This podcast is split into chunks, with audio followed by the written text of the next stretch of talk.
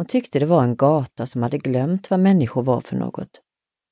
I hennes sinne växte mörkret sig större och tätare och ingav henne en känsla av att vara iakttagen av mystiska, fientligt sinnade andar. Flera gånger var hon på vippen att börja springa och inte stanna förrän hon kom fram till doktorns hus. Men hon bekämpade den oro som sköd i hennes ådror och föraktade sig själv för sin feghet. Vad är du rädd för, din fega stackare? tänkte hon. Här på en av stans huvudgator behöver du bara knacka på närmaste dörr eller ruta eller bara ropa för att det ska komma folk. Din fjolla, sa hon. Och då det centrum i hennes inre som producerade nervositet inte tycktes ha hört det, upprepade hon det flera gånger. Din fjolla, din fjolla. Naturligtvis är du inte rädd, tillade hon lugnande. Du vill bara se lite ljus här och där. Eller ännu hellre möta några trevliga människor. Nej, strunt i om de är trevliga, bara några människor. Hon hade knappt önskat det förrän en rad ljud nådde henne. Det hände just när hon passerade ett hus med en port som öppnade sig intill henne, som ett stort svart gap. En vindstöt gick som ett stön genom porten. Det klapprade våldsamt av springande fötter mot stenläggningen. Ljudet ekade fram och tillbaka där inne och i nästa ögonblick var hon nära att bli kullsprungen av en man som rusade ut framför henne. Han stötte till hennes arm och hon uppgav ett rop av förfäran som dock hastigt gick över i harmsen vrede. Oj, vad du skrämde mig! flämtade hon. Vad är det för ett sätt att komma utrusande så där?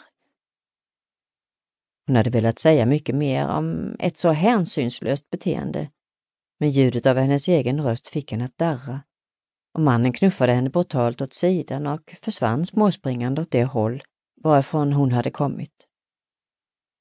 Först då gick det upp för henne att hon inte alls hade hunnit titta närmare på mannen. Han var helt svartklädd och hans bredbrättiga hatt var så långt neddragen att bara ögonen var fria.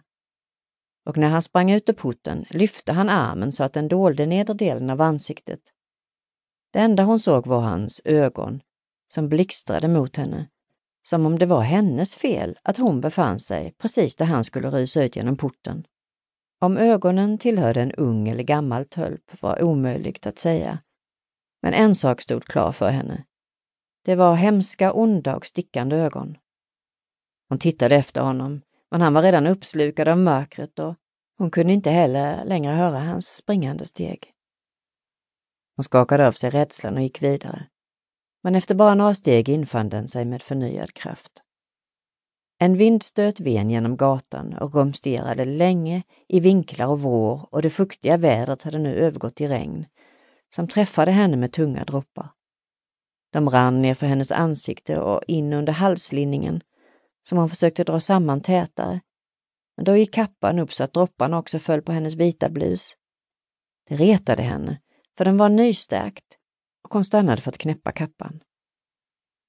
Det var i sista ögonblicket hon lyckades skydda blusen, för den hade redan träffats av flera stora droppar. Plötsligt ryckte hon till.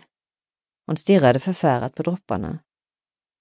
De hade inte bara gjort blusen våt, de hade också fläckat ner den. Fläckarna var mörka, ja, de var nästan svarta. I detsamma träffades blusen igen och hon såg att dropparna inte var svarta utan röda. Mörkröda, Nej, inte heller det. De var, de var blodröda. En lång stund stod hon lamslagen på samma ställe. Stel och darrande av en våldsam skräck som liksom en köldvåg sköljde igenom henne och nådde hennes hjärta, som nästan frös till is. Alla hennes lemmar var som fastnaglade, men hennes förnuft arbetade förvånansvärt obesvärat och kristallklart. Hon kände en brinnande önskan att gallskrika rakt igenom hela gatan, men förmådde inte få ett ljud över läpparna eller ens brista i gråt. Det föll flera röda droppar på hennes huvud och kläder och hennes hjärna bestämde sig tveklöst för att det enda hon inte för något pris i världen ville var att lyfta huvudet för att se var de hemska dropparna kom ifrån.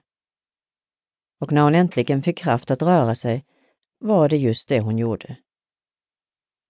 Oerhört långsamt vände hon ansiktet uppåt.